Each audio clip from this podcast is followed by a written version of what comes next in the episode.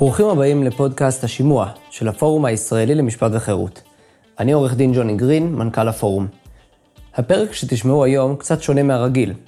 בחודש ינואר 2020 קיימנו אירוע דיבייט ראשון בפקולטה למשפטים באוניברסיטה העברית בירושלים, בנושא פסילת חוקי יסוד ותיקונים חוקתיים. הדיבייט היה בין פרופסור ברק מדינה לבין פרופסור רות גביזון, זיכרונה לברכה. ייתכן מאוד שהייתה זו הופעתה הפומבית האחרונה של פרופסור גביזון בסוגיה משפטית. אנו מזמינים אתכם להאזין לדיבייט ולהתרשם מהטיעונים המוצגים על ידי הצדדים. אציין שמאחר ומדובר בהקלטה של אירוע חי ולא באולפן, הסאונד באיכות נמוכה יותר מהרגיל לפודקאסט שלנו. האזנה נעימה. אני עורך דין ג'וני גרין, אני בוגר הפקולטה ואני מנכ"ל הפורום הישראלי למשפט וחירות. הפורום הוא ארגון חדש המבקש להעניק במה לתפיסת עולם משפטית שמרנית על בסיס עקרונות של ריסון שיפוטי, חירויות פרט, הפרדת רשויות וצמצום מעורבות מדינה. בימים אלו אנחנו מרכיבים ועדה מייעצת שבראשה הסכים לעמוד פרופסור דניאל פרידמן, שר משפטים לשעבר. חלק עיקרי של פעילות הפורום הוא עידוד הקמת תאי סטודנטים בפקולטות למשפטים. כאן באוניברסיטה העברית כבר הוקם תא הסטודנטים הראשון, שזה אירוע הפתיחה שלו. פעילות הדגל של תא הסטודנטים הוא קיום אירועי דיבייט ודיון הכוללים דיון מעמיק בסוגיות מורכבות בהשתתפות בכירים ומומחים משפטיים. זאת לצד פעילות נוספת ומגוונת לחברי התא ולכלל ציבור הסטודנטים. עשרות סטודנטים כבר הצטרפו לצוות הובלת התא שבראשו עומדים מר זאב פלדמן משנה ב' ומר שמחה קפלן משנה ג'. יש לתא גם ליווי אקדמי מתוך סגל הפקולטה וכיום מלווה התא הם פרופסור יואב דותן פרופסור אהוד גוטל ופרופסור יונתן גבעתי. כל מי שמעוניין ללמוד יותר על פעילות הפורום והתא מוזמן להיכנס לעמוד הפייסבוק או לאתר שלנו ומומלץ מאוד להירשם לקבלת עדכונים במייל. הדוברים שלנו היום הם בין הדמויות המוכרות והוותיקות בפקולטה ובכלל בתחום המשפטי בארץ. פרופסור ברק מדינה לשעבר דיקן הפקולטה וכיום רקטור האוניברסיטה העברית מומחה מוביל במשפט חוקתי. פרופסור רות גביזון גם היא מומחית מובילה למשפט חוקתי כלת פרס ישראל בתחום המשפט, נשיאה לשעבר של האגודה לזכויות האזרח ומייסדת ונשיאת מרכז מצילה. הדיון מתקיים בפורמט של דיבייט. כל דובר יטען את טענתו העיקרית תוך עשר דקות בדיוק, לאחר מכן לכל דובר תהיה זכות תגובה של ארבע דקות בדיוק, ולאחר מכן יהיה זמן לכמה שאלות מהקהל, כאשר לכל דובר זכות תגובה של שתי דקות בדיוק לכל שאלה. כעת המנחה היקר שלנו מר שמחה קפלן יציג את נושא הדיון ויעביר את זכות הדיבור לדוברים שלנו. תודה ג'וני ושוב תודה לפרופסורים ברק מדינה ורות גביזון. הסוגיה העומדת בפתחו של הדיון שלפנינו פסילת חוקי יסוד ותיקונים חוקתיים היא מן הסוגיות המרתקות בעולם המשפט. ייתכן לומר שהטריגר האקטואלי לעיסוק בסוגיה זו קשור בין השאר לדיון המתקרב בחוק הלאום אולם ברצוני להדגיש שאנחנו מתכוונים פה להתעסק בדיון בשאלה המשפטית הכללית אודות uh, סמכותו של בג"ץ לפסול חוקי יסוד ותיקונים חוקתיים. במילים אחרות הדיון שלפנינו גם אם הוא יעסוק מעט בחוק הלאום הרי שזה יהיה עיסוק אגבי. אגב הדיון המרכזי שלנו שהוא הדיון בסמכותו של בג"ץ להשתמש בדוקטרינת התיקון החוקתי הבלתי חוקתי שהיא הכלי בעצם של בג"ץ להשתמש כדי לפסול חוקי יסוד. פסק דין בנק המזרחי המפורסם משנת 1995 נידונה בהרחבת סמכותו של בג"ץ לפסול חוקים רגילים שסותרים חוקי יסוד. בתוך דיון סוער זה השופט שמגר התייחס לסוגיה שלנו, הסוגיה של פסילת חוקי יסוד. אני ממש רוצה לצטט מדבריו. שאלה המאושרת בצריך עיון היא מה המידה שבה רשאית הכנסת בין כאספה מכוננת ובין כרשות מחוקקת מונוליטית לפגוע בזכות יסוד ויהיה זה אף על ידי חקיקה בחוק יסוד? ומה היקפה של הביקורת השיפוטית על כך? נשאיר זאת בצריך עיון. עברו הרבה מים בנהר של אותו צריך עיון של השופט שמגר ולמעט הפרשה בבג"ץ המרכז האקדמי שעסקה בפסילת עסקה ליתר דיוק בהתראת בטלות של חוק יסוד. למעט זאת טרם התקבלה טרם התקבל במשפט הישראלי השימוש בדוקטרינת התיקון החוקתי הבלתי חוקתי.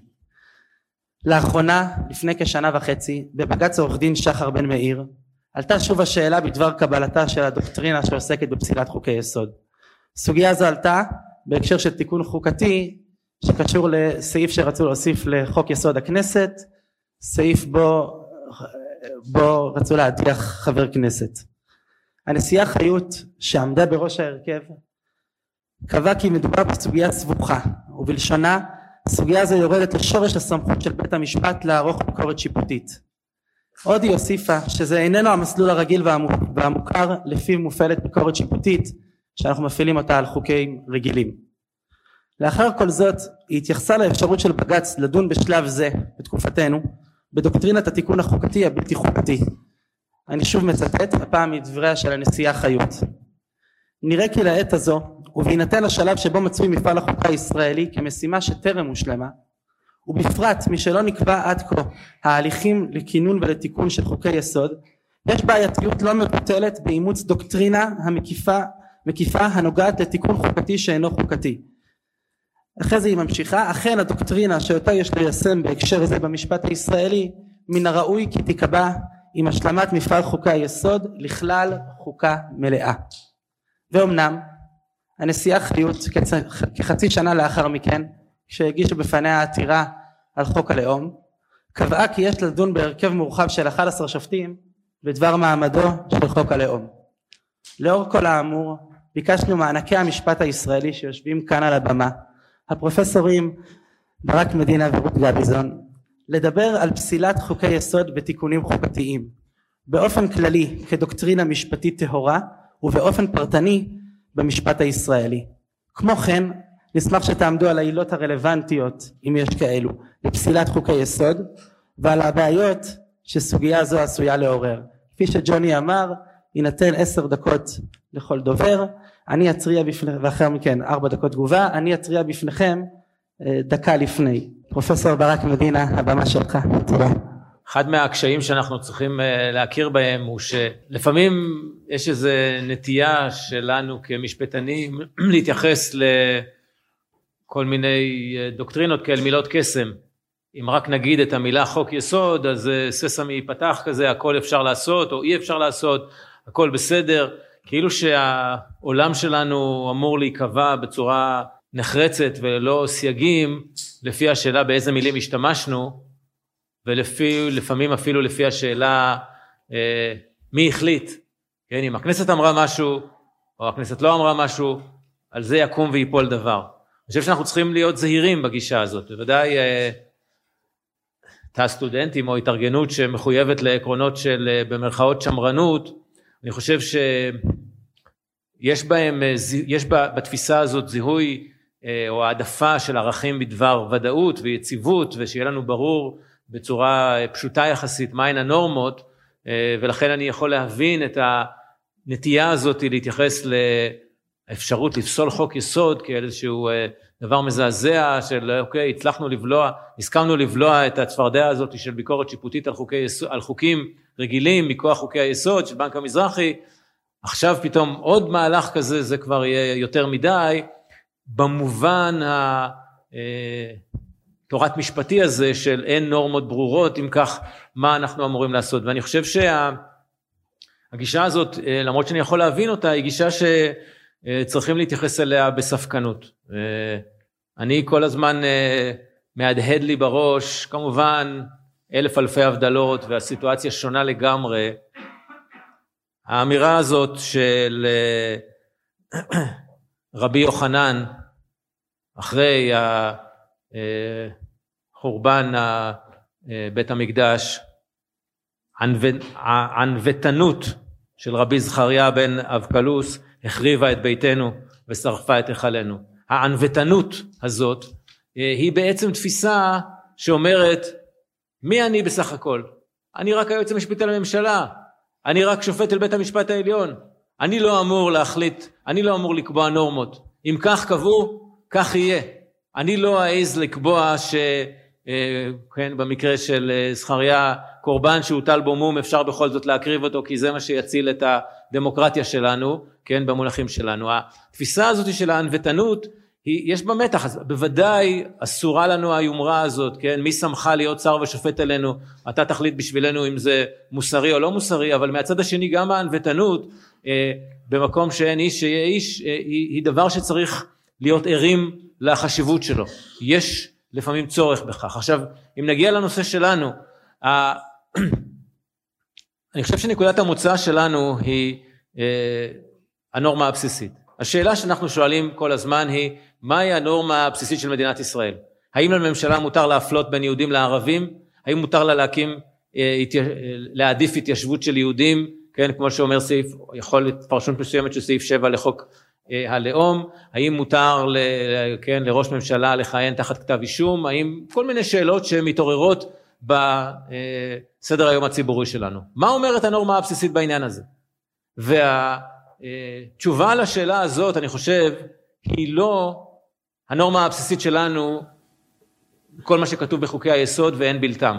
אם כתוב משהו בחוק היסוד, הוא נכלל בנורמה הבסיסית, אם לא כתוב משהו בחוק היסוד, הוא לא נכלל בנורמה הבסיסית. אני חושב שהתפיסה הזאת היא תפיסה פשטנית, היא תפיסה שאולי נועדה כאמור לרצות היבטים של אה, ודאות ויציבות בזיהוי מהו הדין, אבל אה, היא כרוכה במחיר לא מבוטל. אני חושב שהתשובה העדיפה, אה, והיא גם מסבירה באופן משמעותי לעניות דעתי את הפסיקה שלנו, היא שהשאלה מה כתוב בנורמה הבסיסית, המענה לה מבוסס על שלושה מקורות שכולם בהצטברם יחד אה, מספקים לנו את התשובה. מה כתוב בנורמה הבסיסית זה מה שהכנסת החליטה שכתוב בנורמה הבסיסית, זה מה שתפיסות העומק של הציבור שלנו חושבות שהיא הנורמה חושבים שמה הציבור חושב שהיא הנורמה הבסיסית ומה שנורמות מוסריות מלמדות אותנו שצריכה להיות הנורמה הבסיסית. כן, אם נחשוב על זה למשל במונחים של, אה, של פסק דין ניימן הראשון, אם אתם זוכרים. האם למפלגה גזענית מותר להיות, להתמודד בבחירות לכנסת. כן, אומר בית המשפט בניימן הראשון ב-1984, אם אתם זוכרים, עוד לפני שנחקק סעיף 7א לחוק יסוד הכנסת, אנחנו, אה, כן, עמדת הרוב שם, אנחנו נמנעים מלקבוע שאסור, ש, שמפלגה כזאת היא פסולה מלהתמודד בבחירות לכנסת. אנחנו נמנעים מלהכיל את הלכת ירדור אה, גם על מפלגות גזעניות. מדוע? משום שאין מידה מספקת של הכשר אה, ציבורי, הכשר דמוקרטי למהלך הזה, כי הכנסת לא אמרה את זה במפורש. ואני חושב שגישה כזאת היא גישה שאפשר, כן, ורותי כתבה על זה אה, אה, בזמנו, וגם אני כתבתי על זה לא מעט.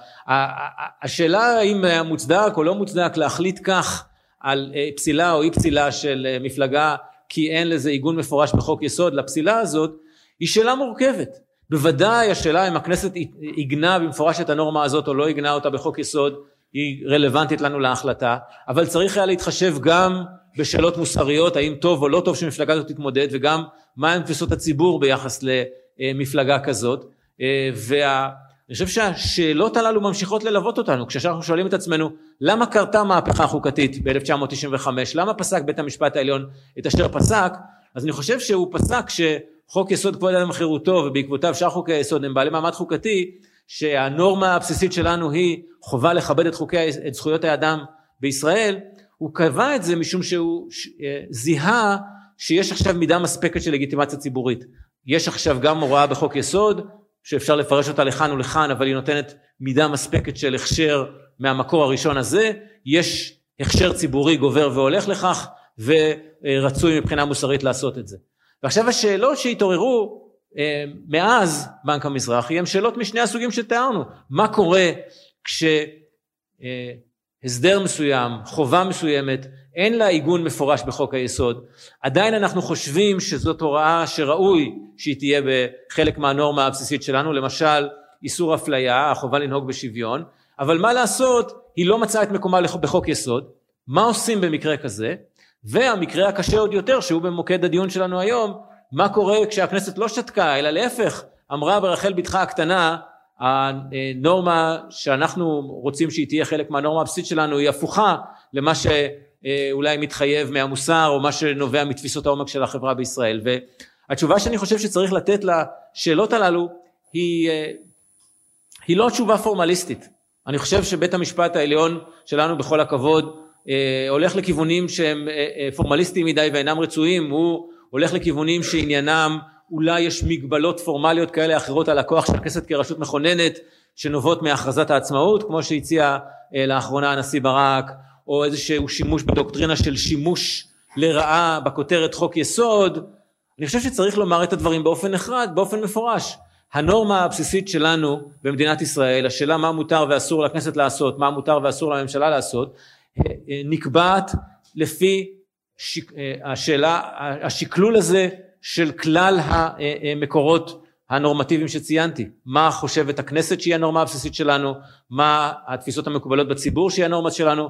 ומה מתחייב מן המוסר שהיא הנורמה שלנו?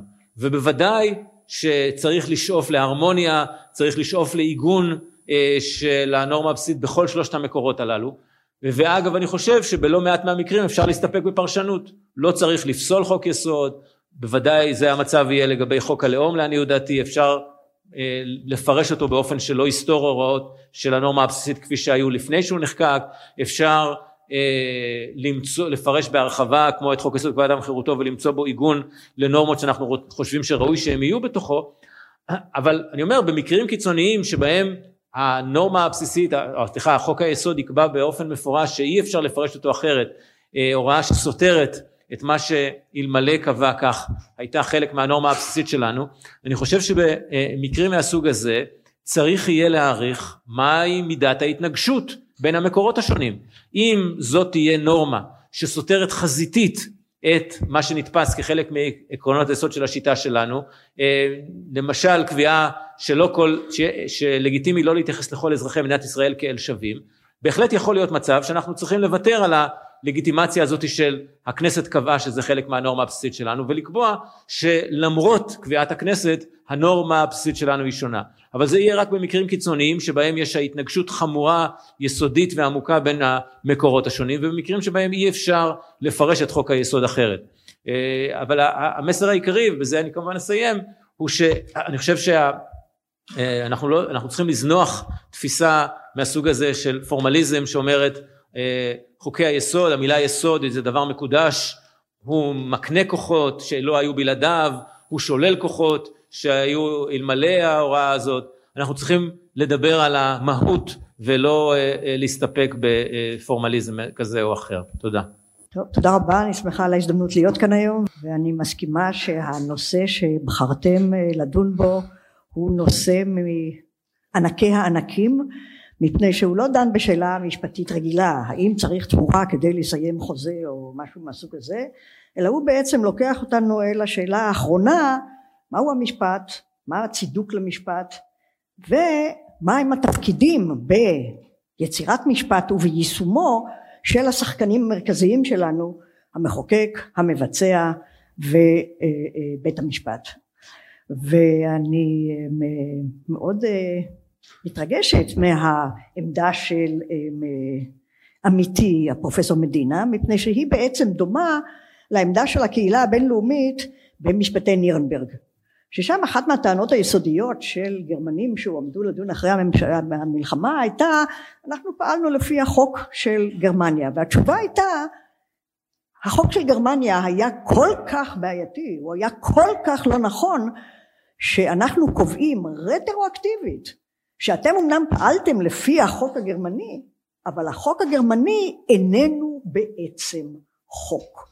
מפני שהחוק הגרמני הוא כל כך נגד זכויות האדם וכבוד האדם ודגל שחור וכל הדברים האלה. המוסר הכל כך עמוק שאמור להיות חלק משתף של כולנו הוא כל כך נגד מה שאתם עשיתם שהטענה הזאת שאנחנו פעלנו לפי החוק אינה עומדת לכם. ו אני חושבת שבנירנברג צריך היה להגיד שהעובדה שזה היה החוק לא נתנה צידוק. אני לא חושבת שיש חובה מוחלטת או אף במיוחד חזקה של אזרחים לציית לחוק.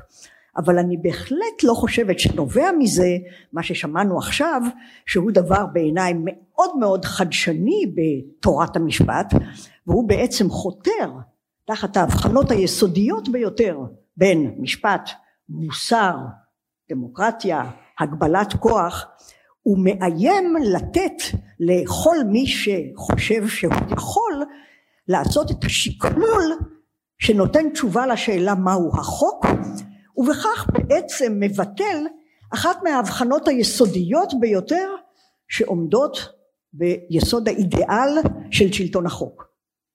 שלטון החוק אומר שנכון וטוב שאנשים, רשויות, מדינות, קהילה בינלאומית לא יישלטו על ידי שרירות של אנשים מצוינים ככל שיהיו, גם מלכים פילוסופיים, אלא שהם יישלטו על ידי החוק. מה זה החוק? החוק הוא חלק ממערכת נורמטיבית שיש לה היבטים של מוסר, אבל המייחד אותה הוא שהוא חלק ממערכת נורמטיבית מוסדית שהיא מרכזת בידיה את המונופולין על השימוש המוצדק בכוח.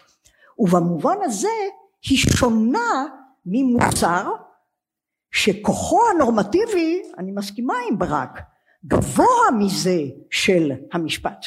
המשפט הוא מעשה ידי אדם והוא יכול להיות די רע מוסר הוא בהגדרתו הטוב והטוב חשוב יותר מהקיים. אבל במערכות חברתיות מורכבות לא חשוב רק הטוב אלא חשוב גם איך אנחנו מנהלים את העניינים המשותפים שלנו.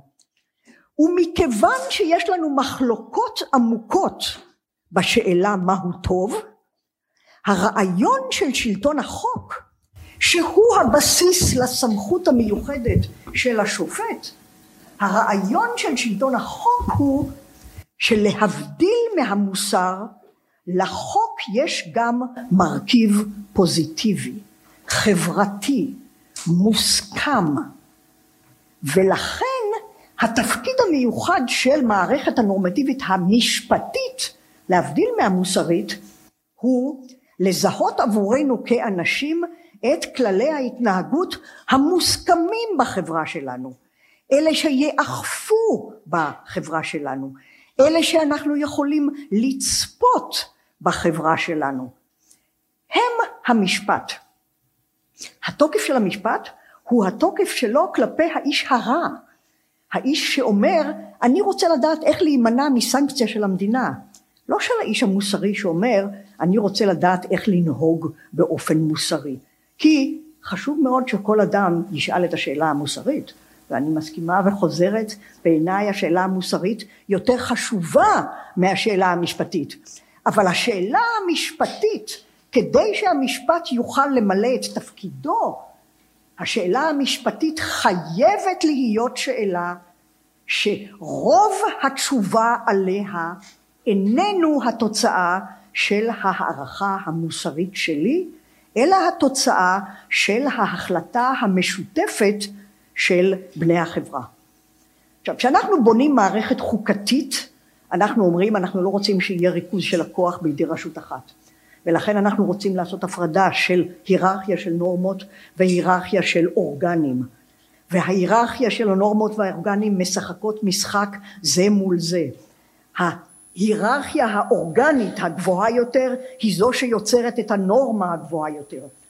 עכשיו בשיטות מסוימות האורגן הגבוה ביותר הוא הפרלמנט ואז הנורמה הגבוהה ביותר היא חוק הפרלמנט ואז נובע מזה שלאף אחד אין סמכות לבדוק את חוקי הפרלמנט אלא אם כן יש מחאה ציבורית תרבותית מוסרית פוליטית אבל זה לא משפט.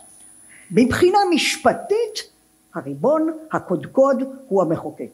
אז אנחנו רובנו לא מקבלים את השיטה הזאת גם באנגליה ובמדינות אחרות אבל יש הרבה מאוד מדינות שבהן זה עדיין הכלל.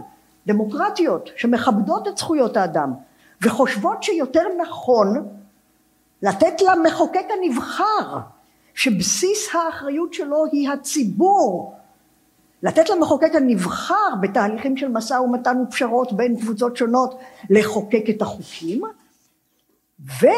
ואנחנו המבצעים יבצעו את החוקים ואנחנו המשפטנים התפקיד המיוחד שלנו הוא לעזור למחוקק לחוקק חוקים טובים לעזור לממשלה לבצע את החוקים בצורה חוקית וטובה וכשופטים לפתור סכסוכים בין פרט לפרט בין פרט למדינה שמבוססים על פרשנות החוק הקיים. זה מקור כוחנו. ולכן נבחרים שופטים בדרך כלל כאנשים שיש להם שכל ישר מצפון חזק יושרה גדולה וידיעה של החוק והתפקיד שלהם, מה שהם נשבעים אליו הוא שלא יהיה להם אדון פרט לחוק. לא כתוב מוסר, לא כתוב ציבור. כמובן שהשאלה מה שופטים עושים ואיך הם עושים את זה היא שאלה מאוד מאוד גדולה והיא שאלה של תורת המשפט הכללית, אבל עכשיו אנחנו מגיעים לשאלה אחרת. יש שיטות משפט. כל שיטת משפט מתלבטת עם הבעיות האלה. כל שיטת משפט עונה את התשובה שנראית לה נכונה לשאלה מהי הנורמה העליונה והאורגן העליון. ותמיד יש שיטה של לדחוף את זה יותר למעלה, מפני שבסוף תמיד מישהו הוא הפרשן המוסמך של החוק. ואם אנחנו אומרים שיש לנו שלטון החוק והשלטון החוק הוא אידיאל ואז יש לנו פרשן מוסמך של החוק אז בדרך הטבע מי שמפרש באופן מוסמך את החוק הוא זה שיחליט מהו החוק שיחול גם על הרשויות האחרות. ופה יש בעיה כי בעצם אנחנו אומרים השופט שהוא הפרשן המוסמך של החוק בייחוד אם החוק הוא גם חוקה הוא יכול להיות זה שיפרש באופן מוסמך את החוק ולכן יגביל גם את הממשלה כמובן אין שום בעיה אבל גם את המחוקק ולא רק את המחוקק אומרים לנו עכשיו, אלא גם את הרשות המכוננת, זאת שעושה את החוקה, שהיא אמורה להיות המקור, שהוא זה שבכוחו אנחנו מגבילים את המחוקק. מה אם החוקה היא נוראה? מה אם עושים תיקון קטסטרופלי לחוקי היסוד? אז התשובה הפשוטה היא, תיקון קטסטרופלי לחוקי היסוד לא צריך שיעמוד. מי יחליט שהוא לא צריך לעמוד? אותו בית משפט. שהתפקיד המרכזי שלו הוא לפרש את החוק הקיים, ומקור סמכותו הוא החוק הקיים, הוא גם זה שיגיד לנו מתי מותר לבית המשפט לבטל חוק של הכנסת, וגם רע מאוד המצב. הדילמה של בית המשפט היום היא דילמה מאוד מאוד מאוד קשה, כי צודק ברק שהתשובה לשאלה הזאת היום במסירת ישראל איננה משפטית. כמו שלפני ברגמן ולפני אה, מזרחי, התשובה לשאלה אם יש סמכות לבית המשפט לבטל חוקי כנסת לא הייתה שאלה משפטית, היא הייתה שאלה חוקתית פוליטית. אבל בית המשפט נתן לה תשובה והמערכת הלכה עם התשובה הזאת. המערכת קיבלה את התשובה. ולפי הכללים שלנו על איך עושים משפט, נעשה משפט.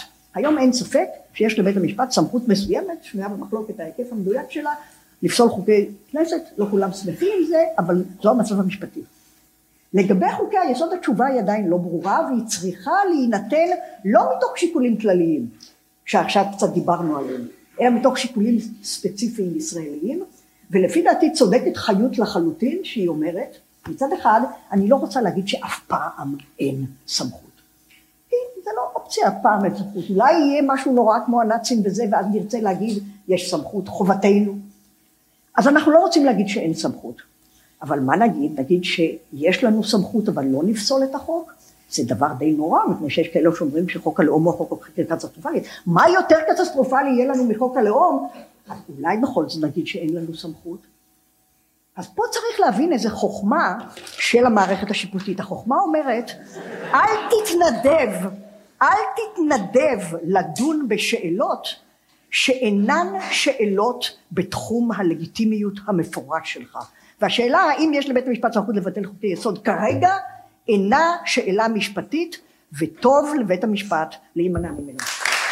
אני חושב שגדר המחלוקת בינינו הוא לא כל כך גדול, זאת אומרת, בעצם, הרי שאלת המוצא היא איך מחליטים בכלל, כן? ואני חושב שרותי משקפת עמדה שאני כאמור מסכים לה, שהשאלה האם למחוקק יש סמכות לחוקק, האם לכנסת יש סמכות אה, מכוננת, האם צריך לכבד, לקבוע שהסמכות הזאת היא מוגבלת או לא מוגבלת, היא בסופו של דבר, היא לא שאלה שהתשובה לה היא אקסיומטית, כן? מה זאת אומרת? ברור שהכנסת מחוקקת, ברור שהכנסת היא כל יכולה, זאת דמוקרטיה, או כל מיני סיסמאות כאלה. לא, התשובה היא השאלה היא מה טוב. צריך לברר את השאלה אם זה טוב או לא טוב, שהכנסת תהיה כל יכולה. לא צריך להזדעזע מעצם המחשבה על השאלה הזאת, צריך לברר אותה. האם טוב שהכנסת תהיה כל יכולה או לא. וה... אה, כי אין, אין תשובה אחרת לזה. כל מי שטוען דמוקרטיה זה כך, או אה, טיעונים אה, אקסיומטיים מהסוג הזה, גם הוא בעצם לא מספק לנו איזושהי תשובה. הרי הכנסת עצמה אפילו לא קבעה במפורש שלה הסמכות המחוקקת, היא לא קבעה שהחוקים שלה הם אה, לא נתונים לביקורת, היא לא קבעה מה מעמדם של חוקי היסוד, זו שאלה פרשנית. עכשיו, אני חושב שבסופו של דבר שאלה, כן, מה טוב, היא שאלה שאפשר לדבר עליה ברמת הפשטה גבוהה או ברמת הפשטה קונקרטית, כלומר, בוודאי תיתכן גישה, ואני חושב שרותי יותר קרובה אליה, למרות שהיא לא אמרה אותה עד הסוף, תיתכן גישה שאומרת שאנחנו צריכים להחליט בשאלה האם טוב שהכנסת תהיה כל יכולה, לפחות בכובע שלה כרשות מכוננת, אנחנו צריכים להכריע בשאלה הזאת באופן כללי, באופן גורף, כמעט אחת ולתמיד. באופן כללי טוב לנו שהכנסת תהיה רשות מכוננת, במובן הזה שהחוקי היסוד הם אלה שיקבעו מה הנורמה הבסיסית ולא נהרהר אחר כך ויש טיעונים לא רעים בעד עמדה כזאת. הגישה שאני ביקשתי להציג היא שהיא לא רחוקה מכך אלא היא שבהחלט יש מקום לקבוע את הקביעה הזאת כברירת מחדל, יש אה, לא מעט דברים טובים מבחינה חברתית שנובעים מהוודאות הזאת, מהקביעה שמי שמסדיר לנו את הנורמות זה המוסד הזה שהוא הכנסת, מכוח השתתפות שווה, מכוח ודאות, מכוח שיקולים אחרים, אבל אני חושב שיש הקשרים שבהם יש מקום להסיר את החזקה הזאת, לסתור את החזקה הזאת שהכנסת היא כל יכולה אה, ולבחון את התוקף של אה, נורמה שהיא קראה לה חוק יסוד. ובסופו של דבר השאלה, המחלוקת בינינו אני חושב, כן, וזה אה, מגיע לשם, היא מהם הנסיבות האלה? עד כמה חמור צריך להיות הפער בין מה שקבעה הכנסת בחוק יסוד, אם היא תקבע אותו, אה, לבין מה שנתפס בעינינו כעולה בקנה אחד עם עקרונות יסוד מוסריים, עם תפיסות הציבור וכדומה. ואני לגמרי מסכים שהשאיפה שלנו צריכה להתבסס על כך שהנורמה הבסיסית היא מה שקבעה הכנסת. המקרים של פערים בין מה שקבעה הכנסת לבין מה שרצוי שיהיה צריכים להיפתר באמצעות פרשנות, באמצעים שאינם חותרים תחת העיקרון הזה של ריבונות הכנסת.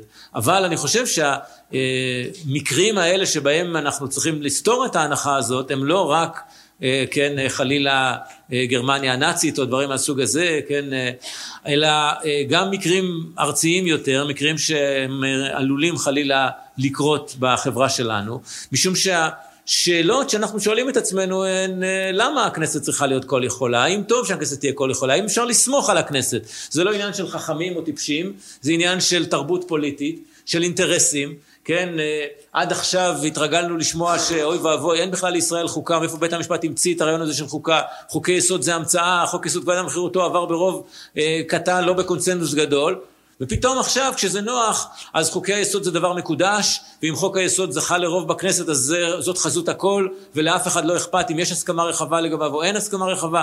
כלומר החוסר עקביות הזאת התפיסה ההתייחסות אל המשפט כאל משהו שמעצב את חיינו כמשהו שאל שלטון החוק להתייחס אליו ברצינות אלא אה, המעבר הזה ממשטר של הוראות שעה למשטר של שלטון חוק אה, כאל דבר ש, שצריך אה, להתייחס אליו, כן, פתאום אנחנו עברנו צד, כן, כאילו יש חילופי צדדים, אני חושב שצריך להתייחס לשאלה עד כמה אפשר לסמוך על המערכת הפוליטית שיש בה כיבוד של נורמות בסיסיות מסוימות, של תרבות פוליטית שמבטאת אה, התעלות מעל אינטרסים רגעיים כאלה או אחרים לטובת כיבוד של עקרונות מהותיים בסיסיים ואני לצערי יש לי אה, ספקות לגבי אה, הערכה אם המערכת הפוליטית שלנו היא כזו וכאמור זה לא עניין של חוכמה או טיפשות של המערכת הפוליטית אלא עניין של מחויבות לעקרונות יסוד, מחויבות לתפיסות מוסריות מסוימות.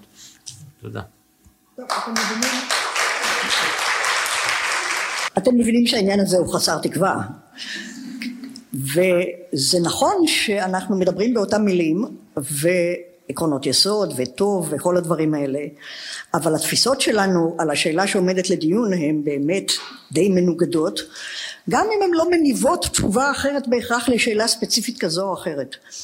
ואני חושבת שהדבר הזה הוא מאוד חשוב ואני אציג אותו במלוא הבוטות שלו מפני שכמו שאנחנו שמענו עכשיו ברק חושב שהשאלה הכי חשובה היא מה טוב ובסוף בסוף בסוף הוא מסתכל על כל השחקנים והוא אומר המערכת הפוליטית זה די קטסטרופה זה צבוע וזה זה, זה, וזה אינסטרומנטלי וזה נמוך וזה כוחני זה הכל לצערנו נכון מאוד. והמערכת הממשלתית אתה בכלל לא יודע מאיפה היא באה ולאן היא הולכת ומתוך כל המחליטים האלה מי הכי כזה שאני יכולה לסמוך על היושרה שלו ועל הערכים שלו. והתשובה שלו היא בית המשפט. וזאת תשובה מאוד מושכת, כי באמת בית המשפט מובנה בצורה שחלק מהדברים הבוטים האלה שיש במערכות הפוליטיות לא קיימים בבית המשפט. ואני רוצה לטעון שזה ממש ממש ממש ממש לא מספיק. מפני שזה נכון שבית המשפט כאילו יש לו פחות ארוס, לא מאמינה שיש לו הרבה פחות ארוס, הוא בנוי אחרת, אבל הוא בכוונה בנוי אחרת. אני לא רוצה שהשאלה מה טוב תוכרע בבית משפט, אני גם לא רוצה שהיא תוכרע ב... לשכה של פילוסופים. אני לא רוצה שהיא תוכרע בשום מקום שבו מה שכאילו מכתיב אותה זה תבונה כללית ואוניברסלית. אני רוצה שבדמוקרטיה שלי, בחברה שלי, ייקחו בחשבון את כל האנשים. והדרך היחידה שאני מכירה לקחת בחשבון את כל האנשים היא לקיים בחירות חופשיות. יש לנו בעיות עם הדבר הזה, הוא מניב תוצאות לא רעות, יכול להיות שכל הרעיון של דמוקרטיה הוא עומד בסימן שאלה, אבל אי אפשר לתקן את הרעיון של דמוקרטיה ובעצם להגיד אנחנו מעבירים את הסמכות להחליט בעניינים הכי חשובים שלנו מהציבור מהמפלגות, מהמנהיגים הדתיים והפוליטיים, מהדיון הציבורי, מהמריבות של החלקים בציבור הזה, אנחנו את כל זה משתקים ואת כל המלחמות שלנו אנחנו מנהלים בבית המשפט. אני מזמינה אתכם לחשוב על השאלה מה יקרה בחברה הישראלית אם בית המשפט יחליט מה שהוא לא ייתן להחליט? אני מסכימה איתו אבל זה טקטיקה. זה לא מפני שחלקו לא רוצה להחליט ושמשפטנים מצוינים לא קוראים לו לבטל את חוק היסוד כבלתי מתיישב עם הכרזת העצמאות ערכי היסוד וכל הדברים האלה. תזכרו אין במדינת ישראל חוקה. כל הדוקטרינה הזאת היא שואפת את כוחה מזה שיש לנו חוקה שהיא מה שהעם רצה והתיקון החוקתי בעצם משבש את החוקה. אבל לנו אין חוקה. חוק יסוד כבוד האדם וחירותו הוא גם כן חצי תיקון. אין לנו עדיין חוקה. אם הייתה לנו חוקה אפשר היה אולי להגיד האלה שעכשיו תיקנו את החוקה הם בעצם כוחות הרוע. אבל אין לנו דבר כזה כוחות הרוע אצלנו בחברה. כל מה שיש לנו זה הציבור והשאלה בסוף בסוף בסוף מי מחליט בשאלה מי מנהיג אותנו מי קובע האם טוב שברירת המחדל תהיה שבית המשפט איננו פוסל חוקי כנסת. במשך ארבעים שנה חמישים שנה בית המשפט העליון במדינת ישראל לא פסל אף חוק של הכנסת לא חושבת שהייתה פגיעה מאוד חמורה בזכויות האדם שנבעה מחוסר היכולת הזה? ועד היום חלק גדול מהוויכוחים שלנו הם לא ויכוחים על חוקים אלא על קווי מדיניות ודברים אחרים. אנחנו הולכים למקום שבו השאלה היחידה היא מה שפיט? מה קובע בית המשפט העליון? בית המשפט העליון איננו קשור אל הציבור הוא קורא את מה שאומר הציבור לפי מה שהוא חושב, הוא קורא את מה שטוב לפי מה שהוא חושב. אני לא מאמינה שכל החוכמה נמצאת בידי בית המשפט העליון. אני תמיד הייתי יותר קרובה לערכים של בית המשפט העליון מפני שלערכים של חלק מהכוחות הפוליטיים שמככבים בחברה הישראלית. זה לא מפריע לי לרגע להיות בטוחה שאסור באיסור חמור במשטר דמוקרטי שמגביל את הכוח להעביר את הכוח להחליט בשאלות האידיאולוגיות הכי חמורות של מדינת ישראל כמו האם היא צריכה להגיד ולעמוד מאחורי זה שמדינת ישראל היא מדינת הלאום של העם היהודי וכולי וכולי וכולי. השאלה הזאת איננה שאלה משפטית. אסור שהיא תיקבע ותחתך בבית המשפט. חיוני שהיא תמשיך להיות בוויכוח סוער בין ימין ושמאל דתיים וחילוניים יהודים וערבים ותיקים וחדשים. כל זה הוא דבר שאנחנו מאיימים עליו אם אנחנו מקבלים שהדרך הטובה להחליט החלטות היא מפני שהשופטים הם יותר נחמדים יותר הגונים ופחות אינטרסנטים וכוחניים מהפוליטיקאים שלנו ומי אלה שבוחרים אותם. אני בעד של העם, על ידי העם, למען העם, בלי להוציא את העם. העם. העם יחליט. אז אני מקריא את השאלה כפי שהיא נוסחה. כדי להבין אם רצוי להעניק לבית המשפט סמכות לפסול חוקי יסוד, יש לחשוב על הפעלת סמכות זו בהקשר של חוקים שאנחנו בעדם. האם הדעה משתנה כאשר מדובר בחוק יסוד כבוד האדם? אם ניתן לפסול חוקי יסוד, אזי כלל זה חל על כל חוקי היסוד, והם נתונים לבחינה מחודשת. האם אנחנו מוכנים ליטול סיכון זה ולהעניק לבית המשפט את הסמכות לבטל כל חוק יסוד?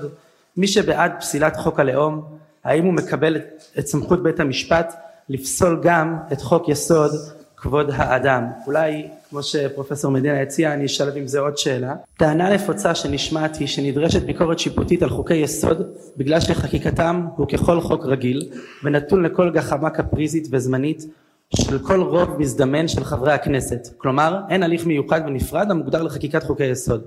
קבלת טענה זו משמעותה הפחתה מהמשקל החוקתי של חוקי יסוד.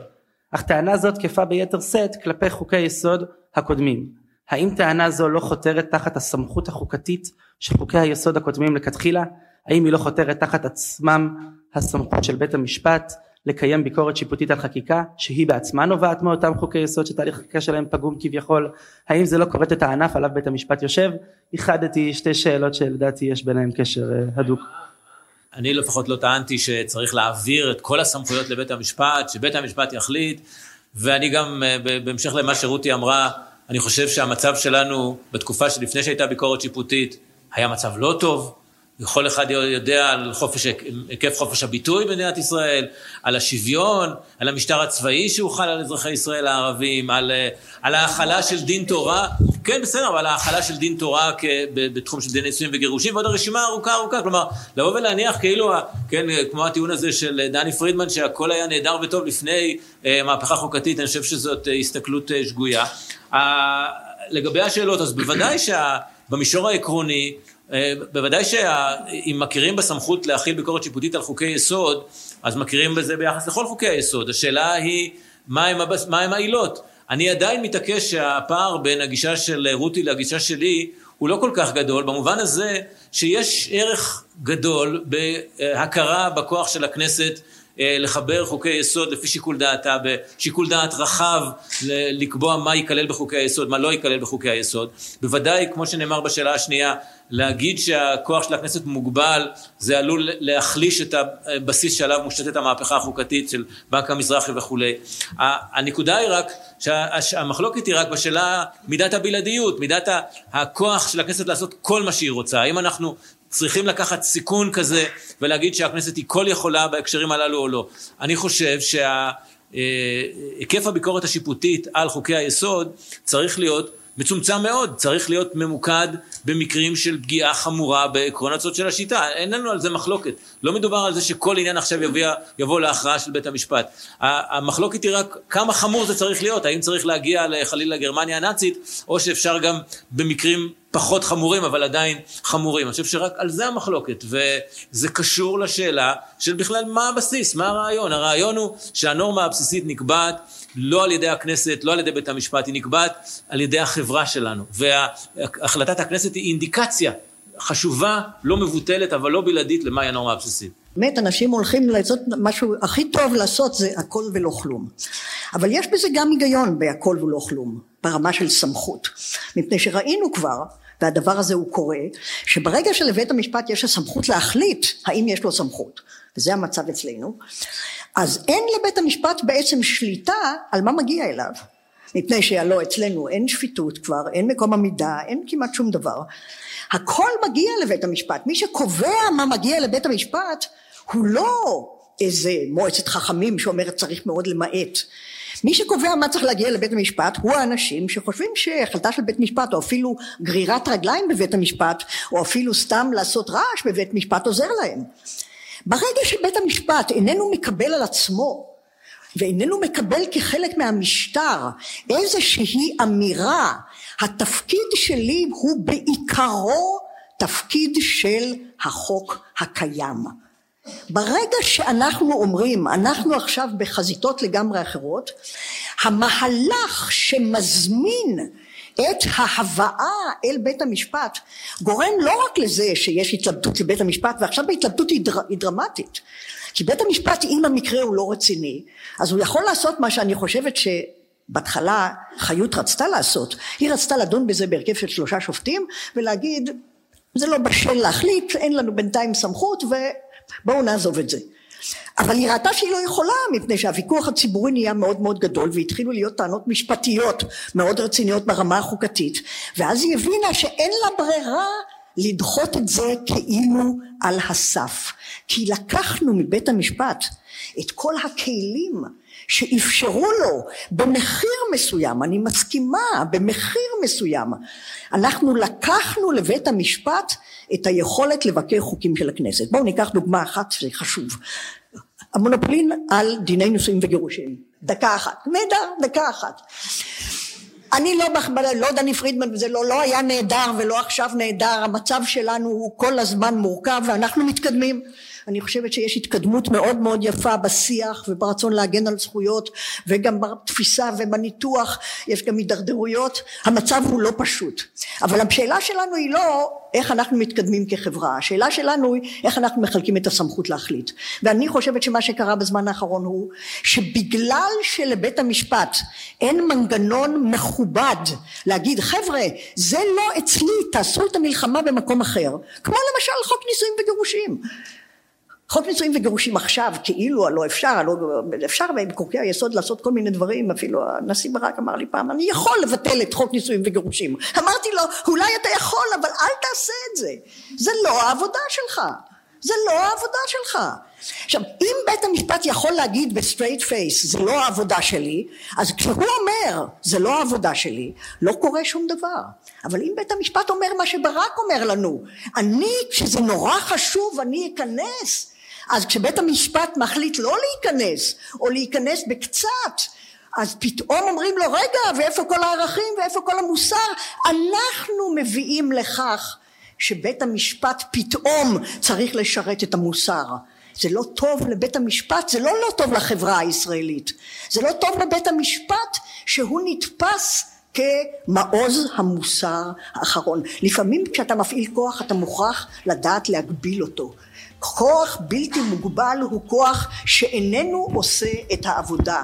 חכם הוא זה שלא נכנס למקום שבסוף הוא ישלם מחיר עצום של לגיטימציה כשהוא ינסה לממש את ההבטחה שאסור היה לו להבטיח מלכתחילה. תודה רבה. תודה רבה לפרופסור ברק מדינה, תודה רבה לפרופסור רות גביזון, תודה לכם על ההשתתפות. תודה רבה לכל המאזינים, אני אזמין אתכם להצטרף לפורום הישראלי למשפט וחירות, לעשות לנו לייק אה, בעמוד הפייסבוק, להצטרף כחברים באתר שלנו, לא. נשמח תמיד לקבל כל פידבק, אה, המלצות לנושאים ולמרואיינים, הצעות לפעילות של הפורום וכל דבר אחר. לבסוף, אני אזכיר אה, שהפורום לא נוקט עמדה רשמית בסוגיות אקטואליות ואינו תומך במהלכי מדיניות ספציפיים. כל עמדה או דעה המוצגת במסגרת הפעילות שלנו היא של מביע העמדה או הדעה בלבד. זהו, נשתמע בפרק הבא.